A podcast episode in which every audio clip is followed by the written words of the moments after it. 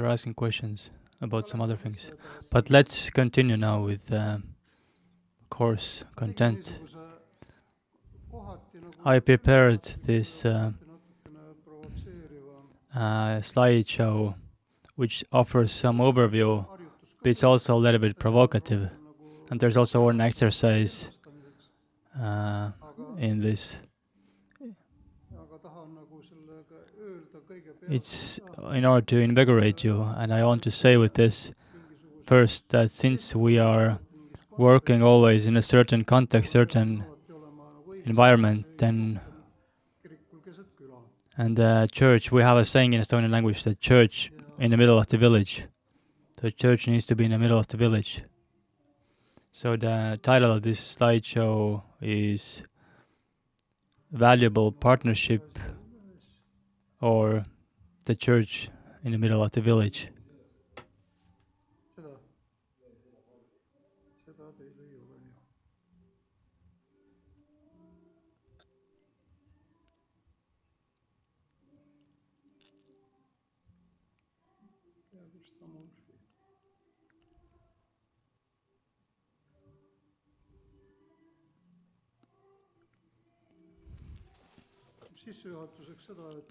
As an introduction, I want to say there is a professor in Norway.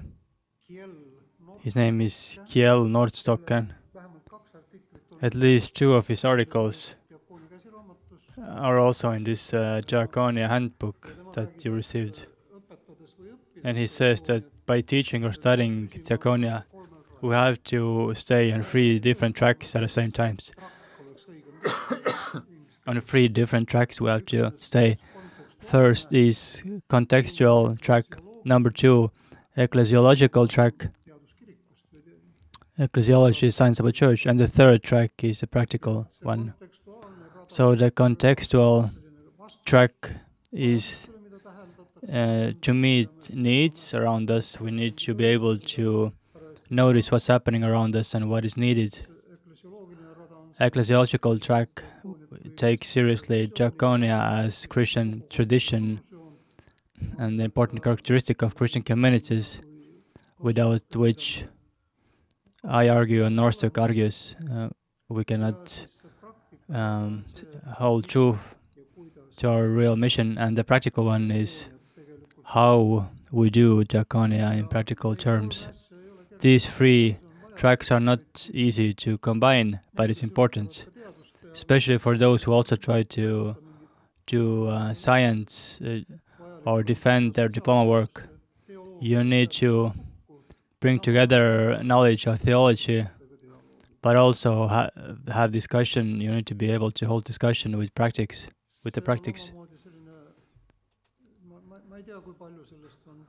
I don't know how much uh, of this has been told here earlier to you but we shouldn't only be stuck with the scripture letter, but we need to be able to reflect what we experience and we need to discover new knowledge through this.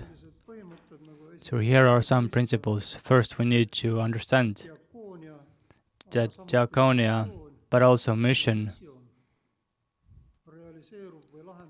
is being realized in a certain context in a certain environment. I spare you from uh,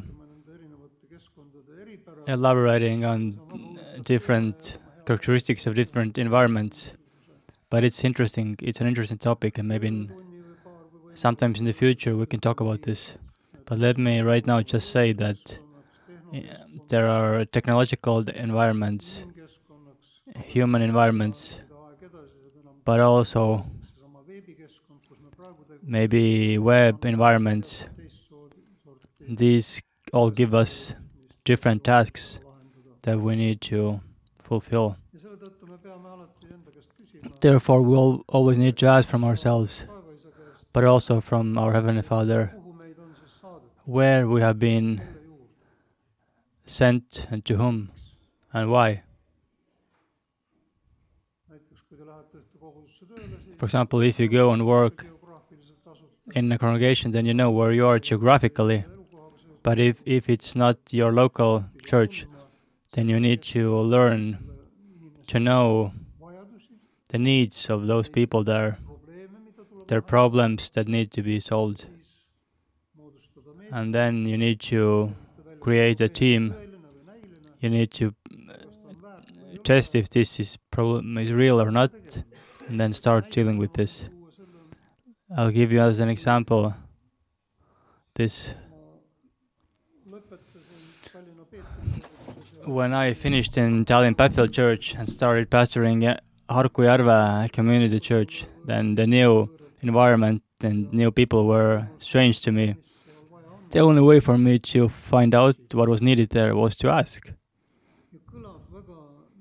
It may sound very naive, but often we don't ask these questions. What people actually need, what do you want? It's been thought that they know better, and then they do their own thing. But that may not function in this environment with these people. Teacher can always ask or use the same lecture that he prepared 20 years ago. Yes, he will get by, but the environment has changed and people are different. Other, they have different kind of knowledge. Their expectations are different. I first tried to do uh, discover what what do you expect. I I talked to Mark to see what you expect from me here in the seminary, and also when I started pastoring Harku Järve Community Church, I did a survey. In Harku Parish, there are 16,000 16,000 people. When I went there, it was actually less than 11,000. Now it's more. In my village, there are about 1,200 people. I made a survey in this village I want to ask them what do you really need, people. What are your needs? We have bought this uh, church building here, 200 square meters. Um, uh, you know, church office, big sanctuary, 700 uh, square meters of the whole, and also we have basement floor. So, do you want to do something here? I talked to people. Then I did another round. I cre- we created a survey. We realized that people don't have enough activities in this area. They cannot offer as many things as in Tallinn, of course. And we asked what are the activities you would like to do. And we approached all the parents through the local school. And we learned that they need more, they want to have more um, recreational uh, things. But the biggest search, uh, the biggest need was uh, daycare for zero to three years old. They had no place to leave the children when they were working. So we had our task at hand. Ask. Jesus also said, "What do you want me to do for you?" They said, "They said, these people said, "Dear Jesus, create us a kindergarten." So Jesus sent us our his diakons to work, and we created this daycare. It wasn't. It was a real problem that could be solved. We had rooms for that. We had a little bit of wisdom. We wrote the project. We created this model for daycare. Later, other churches have used the same model to create daycares for children in different places. In this project, there are also steps how to find resources, how to reconstruct the rooms, etc. So this is an example how we can sol- solve certain problem that exists. Five years it worked, the daycare, and then the parish built a big kindergarten across the road from us. Great, which was great. They didn't need us anymore in this capacity. And then we asked, okay, why do you need us now? I'm not going to talk too much about this, but last seven years or so, in the same rooms where we had daycare for children, little children earlier, now we have daycare for children with autism spectrum up to 17 years old. It's an interval daycare. They take um, children are taken there for a few days at once. Right now, and uh, so disabled children can uh, be there, and also we give the um, mm, support person function. We also offer this.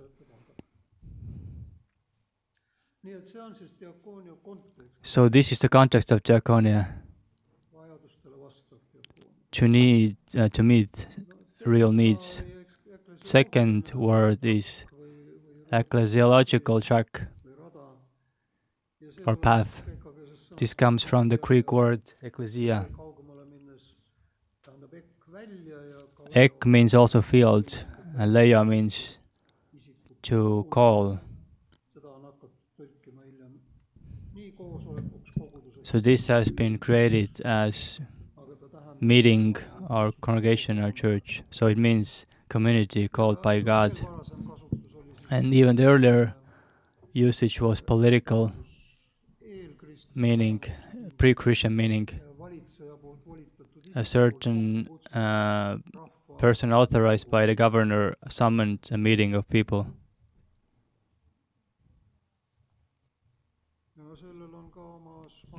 And this also has certain um, roots in the Old Testament, where they use the word kahal, Which described Jewish synagogue meetings later. And this denotes, the Hebrew word denotes also people who have got, been called together for serving God. So when we plan diaconia and we prac- when we practice this, then we need to consider that this is a function of people who have been called to come together to serve God. That doesn't mean that we shouldn't invite partners.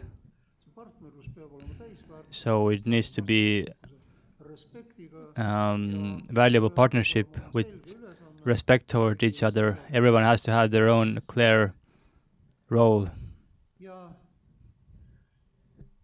Nobody's tripping on other people.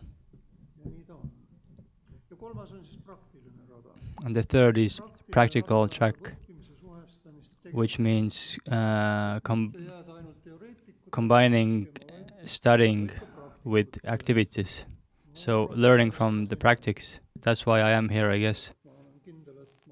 I'm sure that I'm not the best uh, theoretic or teacher or theologian in the world, but I am a practical diaconia leader or a leading diacon, we can say. ja me kasu- oleme kasutanud seda ja ma soovitan And we have been used this. I also recommend you to use practice. näide oleks et kunagi me tegime For example, projekti Teeme koos We made a project, Let's Do It Together, back in the day Instituudi juures oli in Lutheran institution, um, religious institution, together with Kerli eelpersoon We made this project with her, and the idea of this project, the name was Let's Do Together.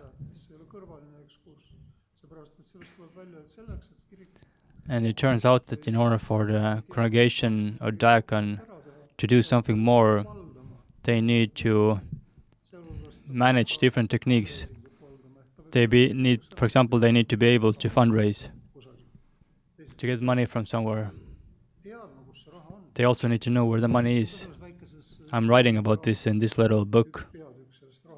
One chapter here talks about this how to find resources, how to fundraise.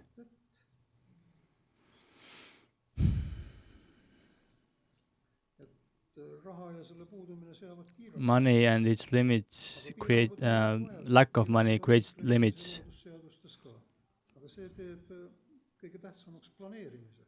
Planning is most important here.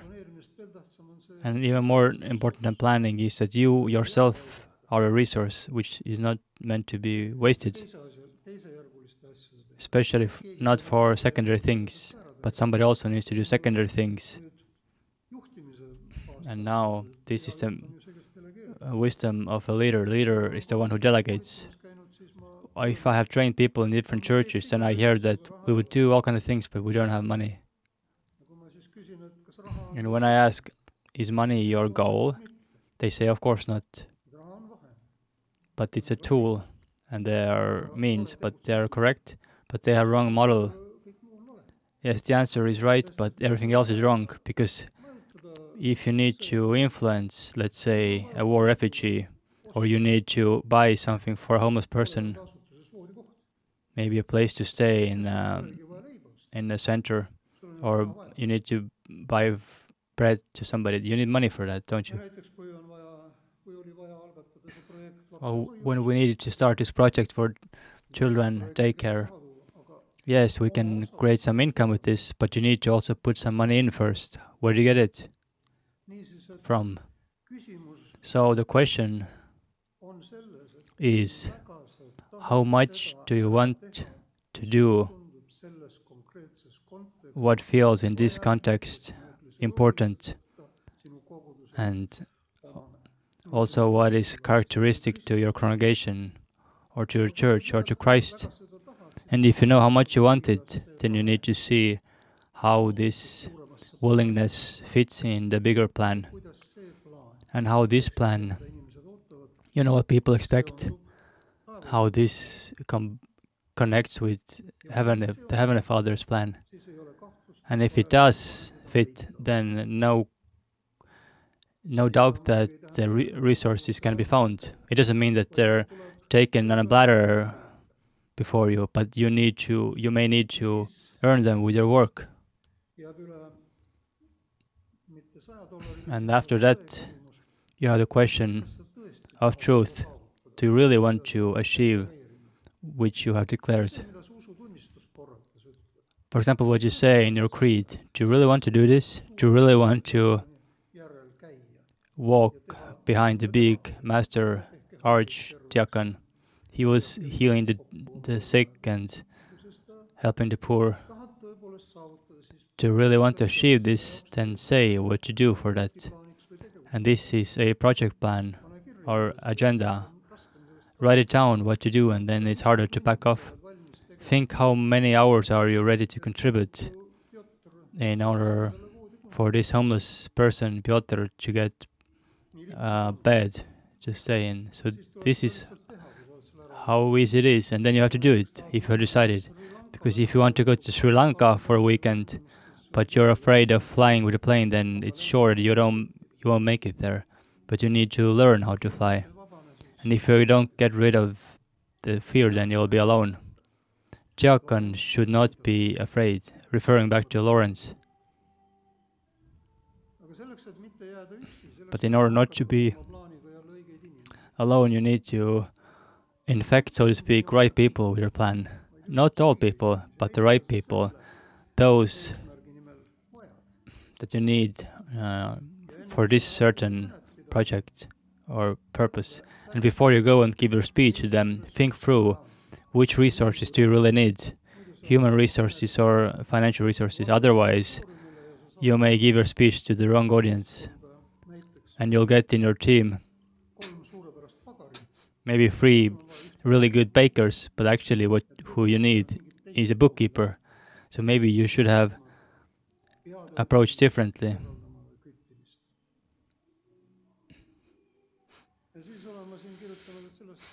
I have also written here that if you need money, then go where the money is. Mostly it's in the bank. You say, bank will not give me a loan because they don't give you a loan because you don't have uh, like uh, something to back up this with. But talk to your church members. If they don't have money, then maybe they know somebody who has money or who can give the deposit. If we started to buy uh, church, we also had to take bank loan out. That, but they didn't accept church as a deposit. So we gave one my own apartment and my friend's house we gave as deposits and we were able to buy this church and the third guy gave us the money that was still missing so we had you know bank and um, friends help and all things our own resources involved. Actually, it went smoothly, except for the five years when we sold it, uh, paid back the money, but it was okay. For example, if you think how much money you need, uh, your own contribution, so do not be afraid. I mean, you can use the money cumulatively. Maybe you divide it into 10 months, and then it's only month uh, one thousand each month that you need to contribute, or another number. So it may not take a lot of money for per one month that you need to provide for this project.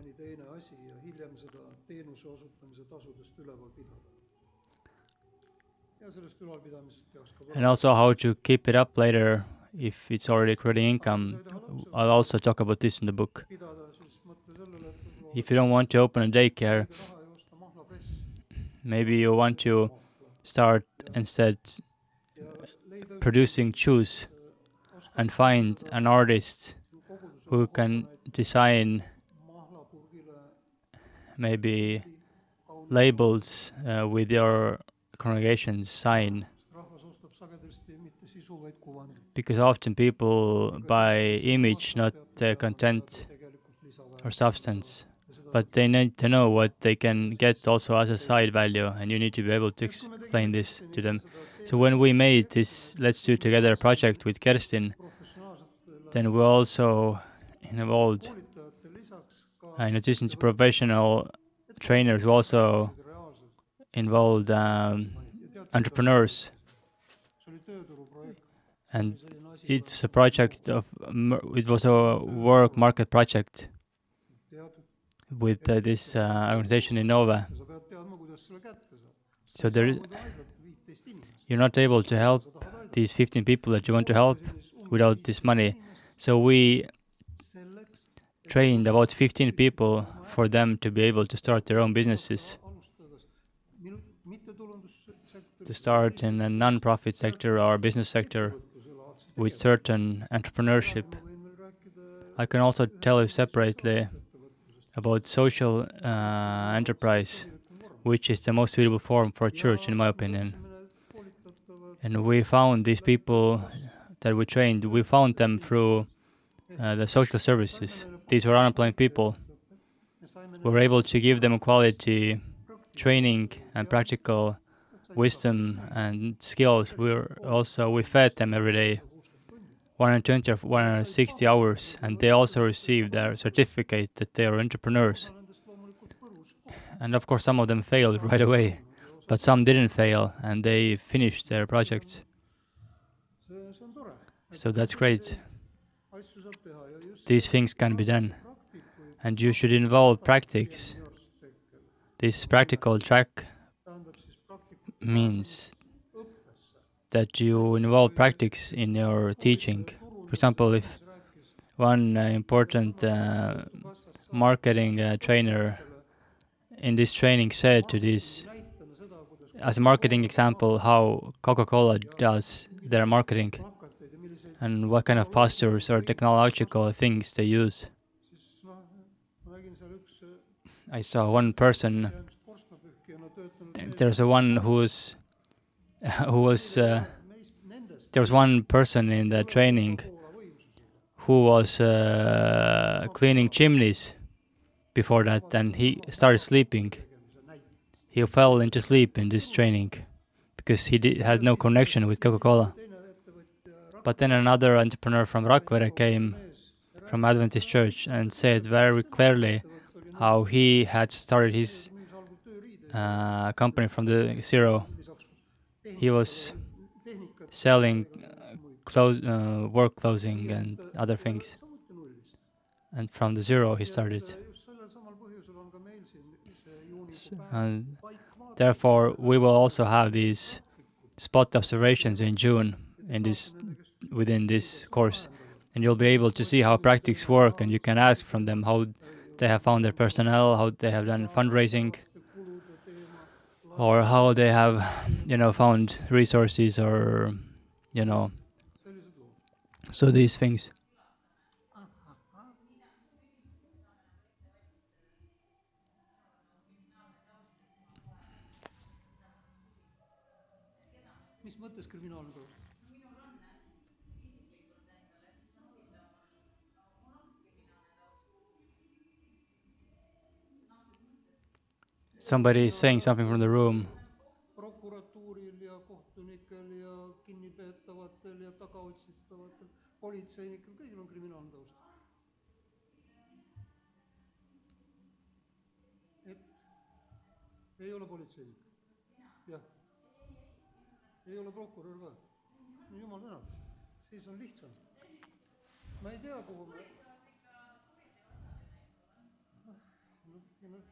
kes, kes meist ei oleks olnud aga ma ei tea, kas ma I don't know if I. Uh, tahan öelda kohe, läheme. no üks variant on, et okay, one option, korraldame mul, te tulete Harku järvele. if you want to come for this spot observation, would be for you to come to our community church in Harkujärve. You can come and see how this works and functions and serves the community. The other option is we can go to Bethel Church. You know this one, huh? In Tallinn. It's in Pelgulinn. I worked there for 20 years. We started by. It's such a beautiful story that maybe we can spend 10 minutes on this until break. You don't know this, do you? It's a typical mistake that people do. They assume, that those that they talk to know the same things that they know, and then they don't talk about important things. And finally, nobody knows what happened, why these people didn't understand each other or didn't achieve their task, collective task. So I assume that every Christian knows Bethel Church in Estonia. It was built in late 30s, in 39, kutsus sakslased when Hitler called Germans back. Then a German pastor left from there. Pelgulinnas. It's located in seal And after that, during the big war, Second World War, there were three men as teachers who served. Two of them, at least, were deported to Siberia. But up to 1960, töötas ja siis this congregation somehow functioned, and then the Soviet um, local government, I guess, closed it. So they they took it away, and sent the congregation away. Some people joined other congregations, and this church was after that used as a film studio. Some other churches were used as, you know, uh, prisons or uh, animal. barns or whatever. But our church was used as a film studio after that by the Soviets. But they didn't uh, take care of the building and they didn't renovate it. But they broke it down uh, to a large extent. And then 90s, when Bethel Church received back their building, then a group of people started to recover or to restore the church. If you go there, then you'll be told more about this and shown pictures. But um, but uh, it was in a very bad shape, you know, the building, by 90s. There was also a little apartment, pastor's apartment. Somebody was doing their business in this apartment. Um, the tower had been taken down, the organ had been. also destroyed. One guy took me for uh, organ whistles some years later, that were found from somewhere else. But anyways, see on teema, et kirik I rose this topic that church needs to serve their community. What were the problems back then in 90s in Estonia, in Tallinn, in the in the middle in mid 90s? töötus, vaesus there was a lot of unemployment, uh, prostitution, drugs, uh, poverty, especially in Pelgulinn because Kop- Kopli is right next to it. And then there was a uh, state program was started by which they paid money to the non-Estonians who were willing to go back to their ethnic home. So some people went back to Russia or to Ukraine or to Belarus or other countries. Or some of these people uh, used this for alcohol and didn't go away. And some went with their went without their families. And as a consequence of this, a lot of children were left without parents in Kopli, and mothers you, so, um, had to prostitute there in order to get some money. So it was a crazy time, basically, in mid 90s in Estonia, in Tallinn. So we started uh, solving the problem of Russian-speaking um, children who didn't have parents anymore. We take them food. We said we are from Bethel Church.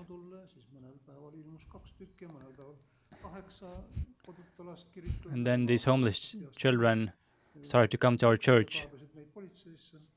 Some people complained to police that these homeless children were hanging out in our church, but we started to work with them. We even made camps to them.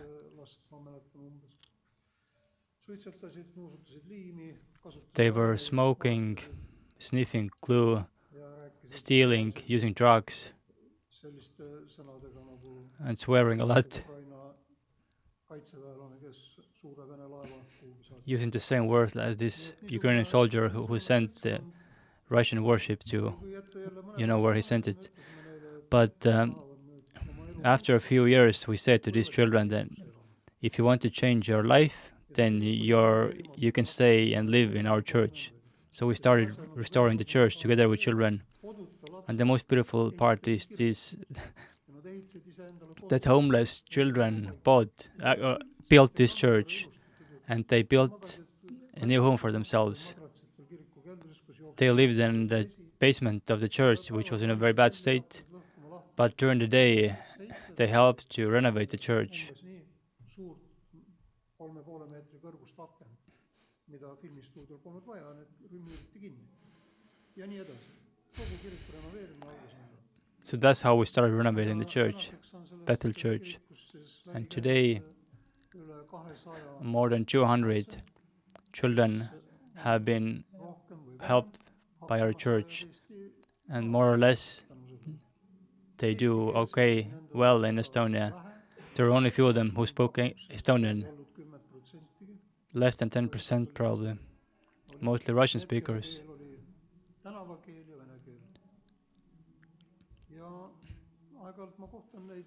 And every once in a while, I see these children who lived there 20 years ago. I see them today, and I'm very happy that it was possible to do this. So this is a small project that shows that if you do right things at the right right time with right people, then resources are being found. There were 42 people when the church was restored, and they took responsibility for this, um, you know, building that was completely out of shape. Of course, they were not able to finance this, but they took the notebook, so to speak, to see where they can call to make get money. Those children who were there at 2000, of course, they are not there anymore. They're grown-ups. Kümnendik, võib-olla kahekümnendik töötab välismaal. Some of these children work abroad, but more than 2,000 korraga elas kõigil have been there. kaks 32,000, uh, 32 children live there, uh, maximum at one point. Today, I think there are 12 children living there in the church, which means they have more room and more attention from uh, the teachers. Some of the teachers actually are also from Methodist Church who are working there as teachers. s- Ossipovi Stas Osipo, for example, uh, his congregation is also uh, doing services there. see on sotsiaalne. So this is on diaconia and it, it is ecumenical. noh, näiteks õpetuslike küsimustes. If we start arguing there about theological questions, then that would be the stupidest thing to do. But we can speak the same language in serving others, and this is super.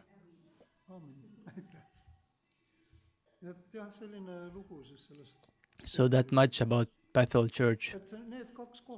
So these two places are where we can go and do the spot observation because I have been working in this myself, but there are also others. Maybe have you visited the Hope Village? Somebody mentioned, I think, Hope Village also maybe is one option where you can do your spot observation.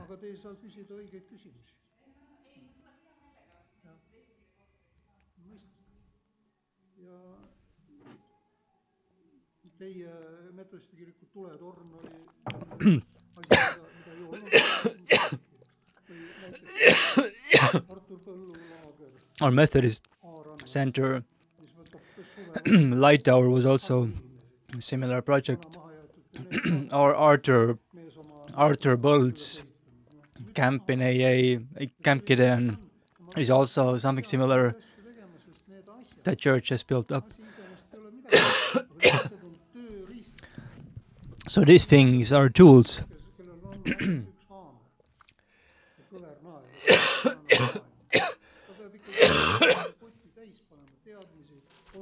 So we need different tools, different skills, different methods. On Arthur has done this really well in Camp Gideon, and we have also been good with this.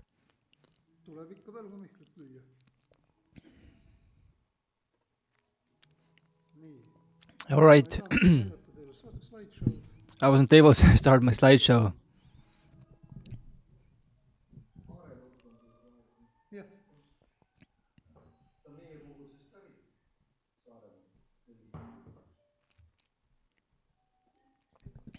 Saaremaalt tuli päris mitu meest enam-vähem ühel ajal tulid siia. ja no Igor Miller, Aare Luup äh,, keegi, keegi oli veel. Salu Martinson ka või?